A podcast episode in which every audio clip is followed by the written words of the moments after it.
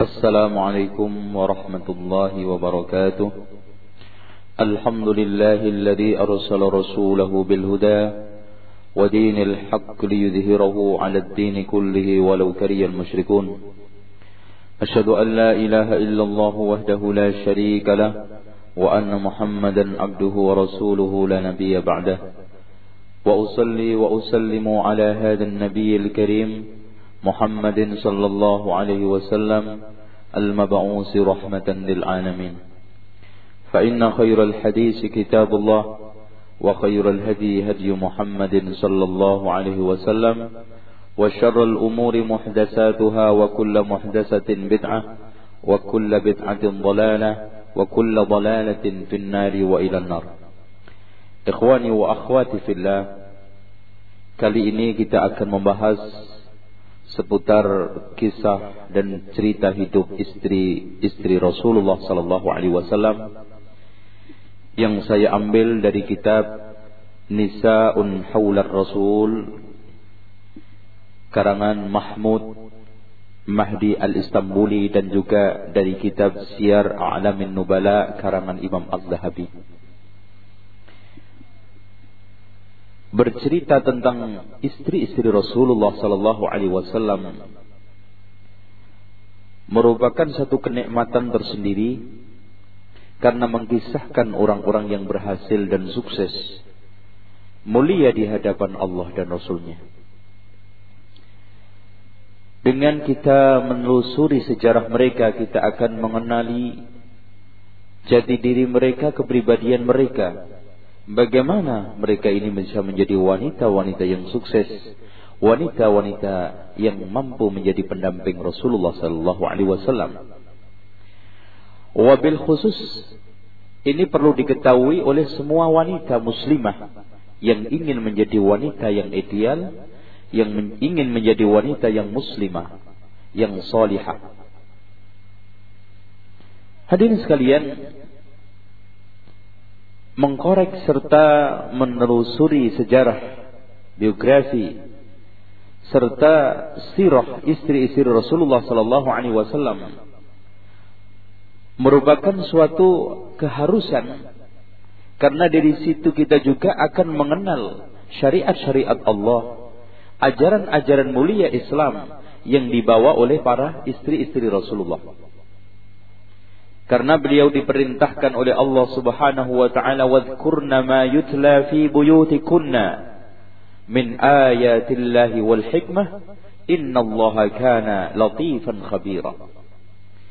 Wahai istri-istri Rasul tuturkan apa-apa yang dibacakan di rumah-rumah kalian dari ayat Allah dan al-hikmah.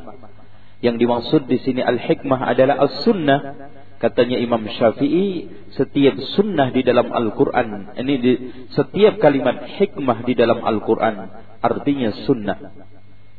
Sesungguhnya Allah maha lembut dan maha mengetahui. Langsung saja kita memasuki biografi istri Rasulullah ini, istri Rasulullah Sallallahu Alaihi Wasallam yang mulia, yaitu Khadijah binti Khuwailid. Beliau adalah seorang wanita bangsawan terpandang di kalangan Quraisy. Beliau di, dilahirkan dari keluarga yang terhormat bersih kehormatannya. Nama lengkapnya adalah Khadijah binti Khulaid bin Asad bin Abdul Uzza Al-Qurashi. Beliau seorang wanita yang janda Sebelumnya dia dinikah oleh uh, orang ini berkebangsaan Quraisy juga yang namanya Abu Halah bin Zurarah. Kemudian setelah wafat dinikah lagi oleh seorang uh, yang bernama Atik bin Aid bin Abdullah Al-Mahzumi. Tidak beberapa lama pernikahan bertahan kemudian terjadi perceraian. Setelah itu dia tidak mem, ini tidak memiliki niat untuk menikah lagi. Dia ingin konsentrasi membesarkan anak-anaknya, kemudian bisnisnya. Perlu kita ketahui hadirin sekalian, Khadijah adalah di samping seorang janda yang terpandang terhormat, dia juga termasuk bisnismen yang ulung. Dia memiliki bisnis yang tangguh, perdagangan bukan hanya di daerah sekitar Makkah bahkan sampai ke Syam. Suatu ketika Rasulullah ini Muhammad sallallahu alaihi wasallam sebelum dia menjadi nabi ditawari untuk membawa dagangan dan uh, apa namanya menjadi penjaga sekaligus juga penjual dagangan Khadijah ke Syam. Maka ketika di sana beliau berjualan nampak sekali keberhasilan, kesuksesan. Dari sisi akhlaknya dia seuni, uh, Muhammad terkenal pemuda yang amanah, disenangi pembeli, bahkan dagangannya sangat laris sekali. Hal ini menambah Khadijah semakin tertarik. Benih-benih cinta yang sudah wajar dan itu naluri sebagai ini setiap insan mulai muncul untuk mencintai Muhammad. Namun bagaimana sampai ke situ? Sementara Nabi Muhammad umurnya masih muda sekali, Adapun Khadijah disebutkan di dalam satu riwayat yang di, diriwayatkan oleh Ibnu Sa'ad uh, umurnya di saat itu sekitar 40. Maka Allah Subhanahu wa taala memiliki ketentuan-ketentuan. Allah Subhanahu wa taala yang mampu mempertemukan yang mungkin saat ini pertemuan itu dianggap oleh manusia mustahil. Maka tiba-tiba Nafisah binti Munabbih memiliki usul kepada Khadijah untuk menikah dengan Muhammad. Namun bagaimana tawar keinginan itu bisa tercapai? Maka berkat kecedikan, ya, ketangkasan Nafisah, dia mencoba untuk menjadi mediator menemui Nabi Muhammad. Maka Nafisah pun mengadakan pertemuan dengan uh, Nabi Muhammad. Ya. Kemudian dia menanya, apakah ini menanyakan kepada Nabi Muhammad, wahai Muhammad, kenapa sih kamu nggak nikah? Kemudian Nabi ini Muhammad uh, menjawab, ya sebetulnya saya bukan tidak mau menikah, namun aku tidak memiliki biaya untuk menikah. Dengan tersenyum dan ini merupakan suatu harapan.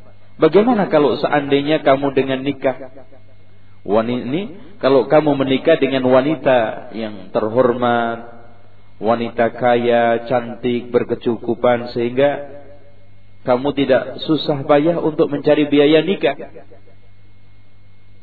Terus kemudian Nabi Muhammad menjawab dengan siapa? Maka dengan cek, cek ini cepat Nabi bisa menang, menangkap peluang ini dengan Khadijah binti Khuwailid. Ini Khuwailid. Jika dia setuju maka aku pun setuju. Ini jawaban Nabi Muhammad. Maka dengan cepat Nafisah datang menyampaikan kabar gembira ini kepada Khadijah. Ya. Di mana seorang berjaga ini berjaga yang masih muda sekali akhlaknya mulia bahkan dijuluki Al-Amin mau menerima seorang janda. Maka proses khidbah pun diselesaikan ya pinangan diselesaikan oleh keluarga Nabi Muhammad. Kemudian terjadilah walimatul arus.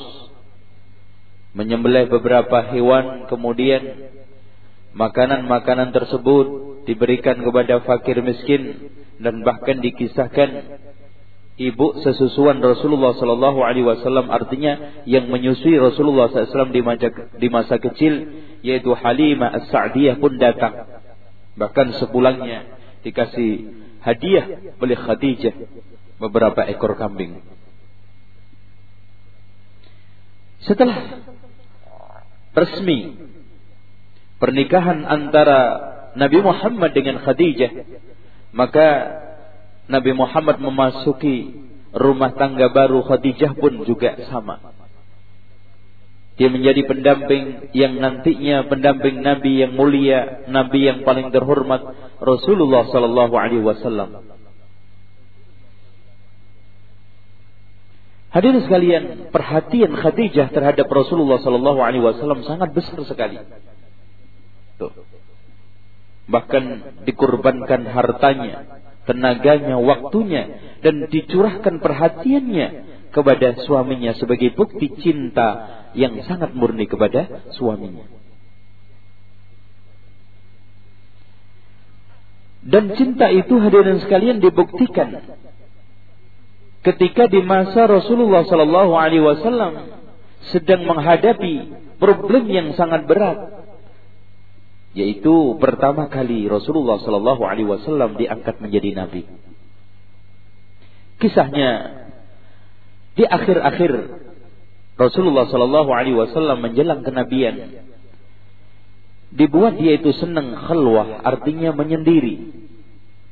Khadijah pun mempersiapkan bekalnya untuk pergi ke gua Hira. Di situlah Rasulullah Shallallahu Alaihi Wasallam merenungkan kenyataan jahiliyah kenyataan jahat dan bejat serta kerusakan di sekitar Jazirah Arabia terutama di Mekah Ini hatinya fitrah juga dan sekalian orang yang baik itu di mana saja tidak akan tahan dengan kerusakan. Maka waktu juga berjalan dengan cepat. Nabi Muhammad sallallahu alaihi wasallam khalwahnya mulai menunjukkan hasilnya. Di saat dia sedang khusyuknya berkhalwah, datanglah orang yang aneh Makhluk aneh tidak lain adalah Jibril. Merangkul dia terus kemudian Jibril mengatakan Iqra. Setelah dilepas Rasulullah menjawab, Ma ana biqari, saya tidak bisa membaca. Terus kemudian dirangkul kedua kalinya Iqra, kemudian dilepas lagi dia menjawab, Ma ana biqari, saya tidak bisa membaca. Sampai didekap yang ketiga kalinya. Kemudian Rasulullah sallallahu alaihi wasallam baca, "Iqra bismi rabbikal ladzi khalaq, khalaqal insana min 'alaq" dan seterusnya. Di sinilah Rasulullah sallallahu alaihi wasallam sudah mulai diangkat menjadi nabi. Setelah dia sampai di rumah, kegelisahan nampak sekali di dalam wajah ini, di raut mukanya. Sehingga kegelisah campur takut menghantui dirinya. Pulang langsung mengatakan zammiluni zammiluni selimutilah aku ketakutan. Kemudian dia sambil gelisah kundah ketakutan. Jangan-jangan ini suatu keanehan yang tidak wajar alias dia kena penyakit rohani. Maka Khadijah istri yang bagus pendamping yang setia dan mulia mengatakan, Allah akan menjaga kamu wahai Abul Qasim. Bergembiralah wahai bergembiralah wahai putra pamanku dan teguhkanlah hatimu. Demi yang jiwaku ada di tangannya. Sesungguhnya aku berharap agar Anda menjadi nabi bagi umat ini. Demi Allah, Dia tidak akan menghinakanmu selamanya. Sesungguhnya Anda telah menyambung silaturahmi jujur di dalam tutur kata, menyantuni anak yatim, memuliakan tamu, dan menolong orang-orang yang melakukan kebenaran. Maka hati Nabi Muhammad pun menjadi tentram. Hiburan Khadijah tidak cukup sampai segitu saja. Perjuangan beliau untuk membuktikan murninya cinta, kesetiaan, mengajak dia ke pamannya Warakah bin Naufal untuk meminta nasihat. Maka sesampainya di sana bercerita panjang lebar tentang kondisi yang dialami oleh Nabi Muhammad. Maka Warakah bin Naufal mengatakan, itulah namus yaitu malaikat Jibril yang dulu pernah datang kepada Nabi Musa, Nabi Isa dan Nuh. Maka Warakah pun mengatakan selanjutnya demi jiwaku yang ada di tangannya Sesungguhnya engkau adalah nabi bagi umat ini. pastilah mereka akan merustakan dirimu, menyakiti dirimu, mengusir dirimu dan memerangi dirimu. Seandainya aku masih hidup menemui hari itu, maksudnya hari engkau menjadi nabi, sungguh aku akan menolong din Allah, sungguh aku akan membelamu mati-matian. Namun hadirin sekalian, sebelum Rasulullah Shallallahu Alaihi Wasallam menampakkan dakwahnya Warakah bin Naufal meninggal dunia. Kemudian hadirin sekalian setelah itu Rasulullah Shallallahu Alaihi Wasallam mulai tenang, sehingga kelebihan Khadijah ini hadirin sekalian, sampai Aisyah mengatakan demi Allah, aku tidak pernah cemburu terhadap orang yang mati sudah meninggal dunia kecuali cemburu saya kepada Khadijah karena seringnya menyebut-nyebut seringnya Rasulullah Shallallahu Alaihi Wasallam menyebut-nyebut namanya setelah meninggal dunia memujinya menyanjungnya dan yang lainnya sampai Aisyah cemburu. Dan Allah Subhanahu Wa Taala juga memberikan salam kepada beliau khusus dan memberikan suatu janji yang gembira sampaikan salam kepada Khadijah dan berilah kabar gembira nanti sebuah rumah di surga yang terbuat dari mutiara yang tidak ada kegaduhan dan kegelisahan. Masya Allah. Inilah hadirin sekalian cerita seputar Khadijah, istri Rasulullah Sallallahu Alaihi Wasallam yang mulia, pendamping Rasulullah Sallallahu Alaihi Wasallam yang setia. Selanjutnya kita akan bercerita tentang istri Rasulullah Sallallahu Alaihi Wasallam yang kedua yaitu Saudah binti Zam'ah. Hadirin sekalian, Saudah binti Zam'ah bin Qais bin Abd Syams seorang muslimah yang telah menelan pahit getirnya memperjuangkan dan mempertahankan Islam. Beliau juga termasuk orang-orang yang ikut hijrah ke Habasyah. Setelah dia pulang hijrah dari Habasyah, kemudian dia kembali ke Mekah, ini ke Madinah, afan, ke Madinah. Maka Rasulullah Shallallahu Alaihi Wasallam menaruh kasihan. Setelah Rasulullah Shallallahu Alaihi Wasallam memandang dia sendiri, terus kemudian kesendirian itu dipandang Rasulullah Sallallahu Alaihi Wasallam sebagai pengganggu hidupnya, maka Rasulullah Sallallahu Alaihi Wasallam punya niat untuk menikahinya. Maka Khawlah binti Hakim menawarkan kepada Rasulullah Sallallahu Alaihi Wasallam, ya Rasulullah, kenapa engkau tidak menikah setelah Khadijah meninggal dunia? Maka Rasulullah Shallallahu Alaihi Wasallam pun berpikir dan selama ini para sahabat tidak ada yang berani untuk menawari Rasulullah Shallallahu Alaihi Wasallam menikah sepeninggal semeninggal atau setelah wafatnya Ummul Mukminin At-Tahirah Khadijah. Maka Khawlah mengatakan, tidakkah anda ingin menikah ya Rasulullah? Kemudian dia e, menjawab dengan suara yang kesedihan dengan siapa? Itu bisa dengan janda, bisa dengan gadis. Kalau janda siapa, kalau gadis siapa. Kalau janda sauda, kasihan dia. Seorang yang hidup sendiri, ya. sudah mulai tua dan yang lainnya. Ya. Kalau dengan yang gadis adalah Aisyah binti Abu Bakar. Maka Rasulullah Shallallahu Alaihi Wasallam disebutkan di dalam suatu riwayat mengakad kedua-duanya di dalam satu waktu, namun dia memulai hidup berumah tangga duluan dengan Saudah Baru setelah tiga tahun setelahnya beliau berumah tangga dengan Aisyah. Hadirin sekalian, ketika kaum muslimin mendengar pernikahan Rasulullah dengan Saudah hampir tidak percaya. Bagaimana dia bisa menikah dengan seorang yang tua, yang sudah mulai lemah kondisi tubuhnya. Namun ternyata Allah Subhanahu wa taala menginginkan, yang lainnya hadirin sekalian. Ternyata dia adalah penerus misi-misi Rasulullah Sallallahu Alaihi Wasallam di rumah tangganya, membesarkan anaknya, ya, mendidik, mengasuh anaknya dan merapikan rumah ini rumahnya. Inilah hadirin sekalian. Ya. Kemudian hadirin sekalian, Sauda banyak mendapatkan pujian dari istri-istri Rasulullah Sallallahu Alaihi Wasallam, termasuk Aisyah. Dia mengatakan, tiada seorang wanita pun yang paling aku sukai agar aku memiliki sifat seperti dia melebihi Saudah binti Zam'ah.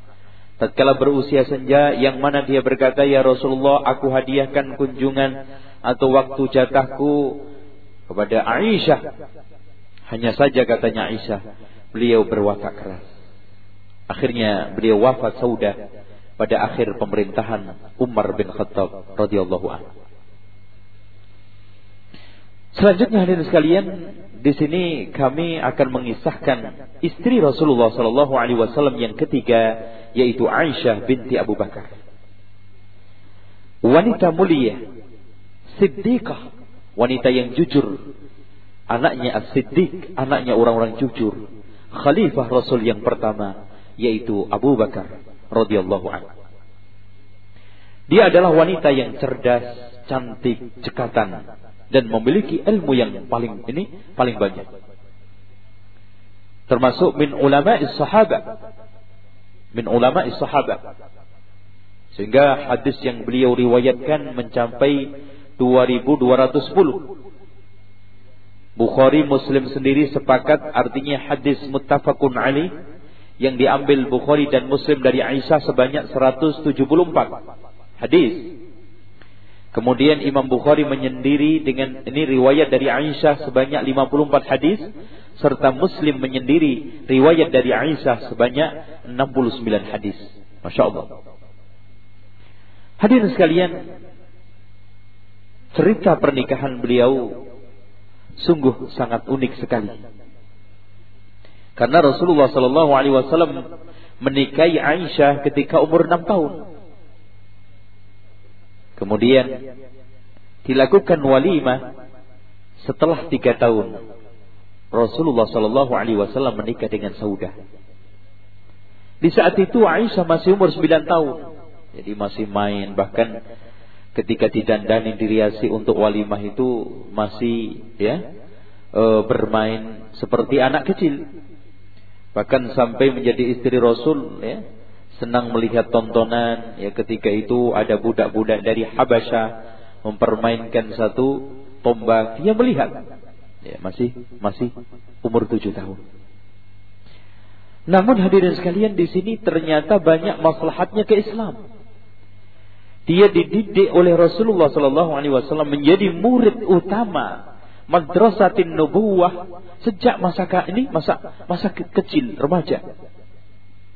Sehingga layaklah hadirin sekalian. Dia seorang yang alim. Orang yang banyak ilmunya. Orang yang paling dicintai oleh Rasulullah sallallahu alaihi wasallam. Apalagi hadirin sekalian kalau kita lihat Masya Allah Aisyah radhiyallahu an di hadapan Rasulullah sallallahu alaihi wasallam wanita yang sangat dicintainya, sangat dicintainya. Sehingga ketika ditanya oleh Amr bin As, "Ya Rasulullah, ahabbun man ayyun nas atau man ahabbun nasi ilaika ya Rasulullah?" Siapa orang yang paling engkau cintai? Dia mengatakan Aisyah. Terus kemudian Wa minar rijal dari kalangan laki-laki siapa ya Rasulullah? Abuha bapak. Hadis ini diriwayatkan oleh Bukhari dan Muslim di dalam sahihnya. Ini tidak berlebihan. Rasulullah Shallallahu Alaihi Wasallam sangat mencintainya. Karena banyaknya kelebihan dan dituturkan oleh beliau sendiri Aisyah. Saya adalah seorang wanita yang sangat beruntung setelah binti setelah Maryam binti Imran. Keberuntungan saya sepuluh hal dalam sepuluh hal. Pertama, Jibril telah menunjukkan gambarku kepada Rasulullah dan mengatakan wahai Muhammad inilah calon istrimu di dunia dan di akhirat Masya Allah kemudian yang kedua kata beliau Rasulullah tidak men pernah menikahi gadis selain saya yang ketiganya dia diambil nyawanya oleh Allah alias wafat sementara dia berbaring di pangkuanku Terus kemudian yang keempatnya Rasulullah dikubur di rumahku. Yang kelimanya malaikat-malaikat mengelilingi rumahku. Dan yang keenamnya sesungguhnya wahyu pernah turun kepada Nabi Muhammad sementara aku dengan dia masih berada di dalam satu selimut alias di tempat di atas tempat tidur. Yang ketujuh kelebihannya Sesungguhnya aku adalah anaknya khalifah dan orang yang jujur di sisi Rasulullah Sallallahu Alaihi Wasallam. Kemudian yang nomor delapan, Allah telah pernah menurunkan uzurku maksudnya di sini beliau ketika dituduh difitnah Allah Subhanahu wa taala yang langsung melerainya menjelaskannya bahwa dia terbebas dari tuduhan fitnah keji yaitu berupa fahisyah perzinaan.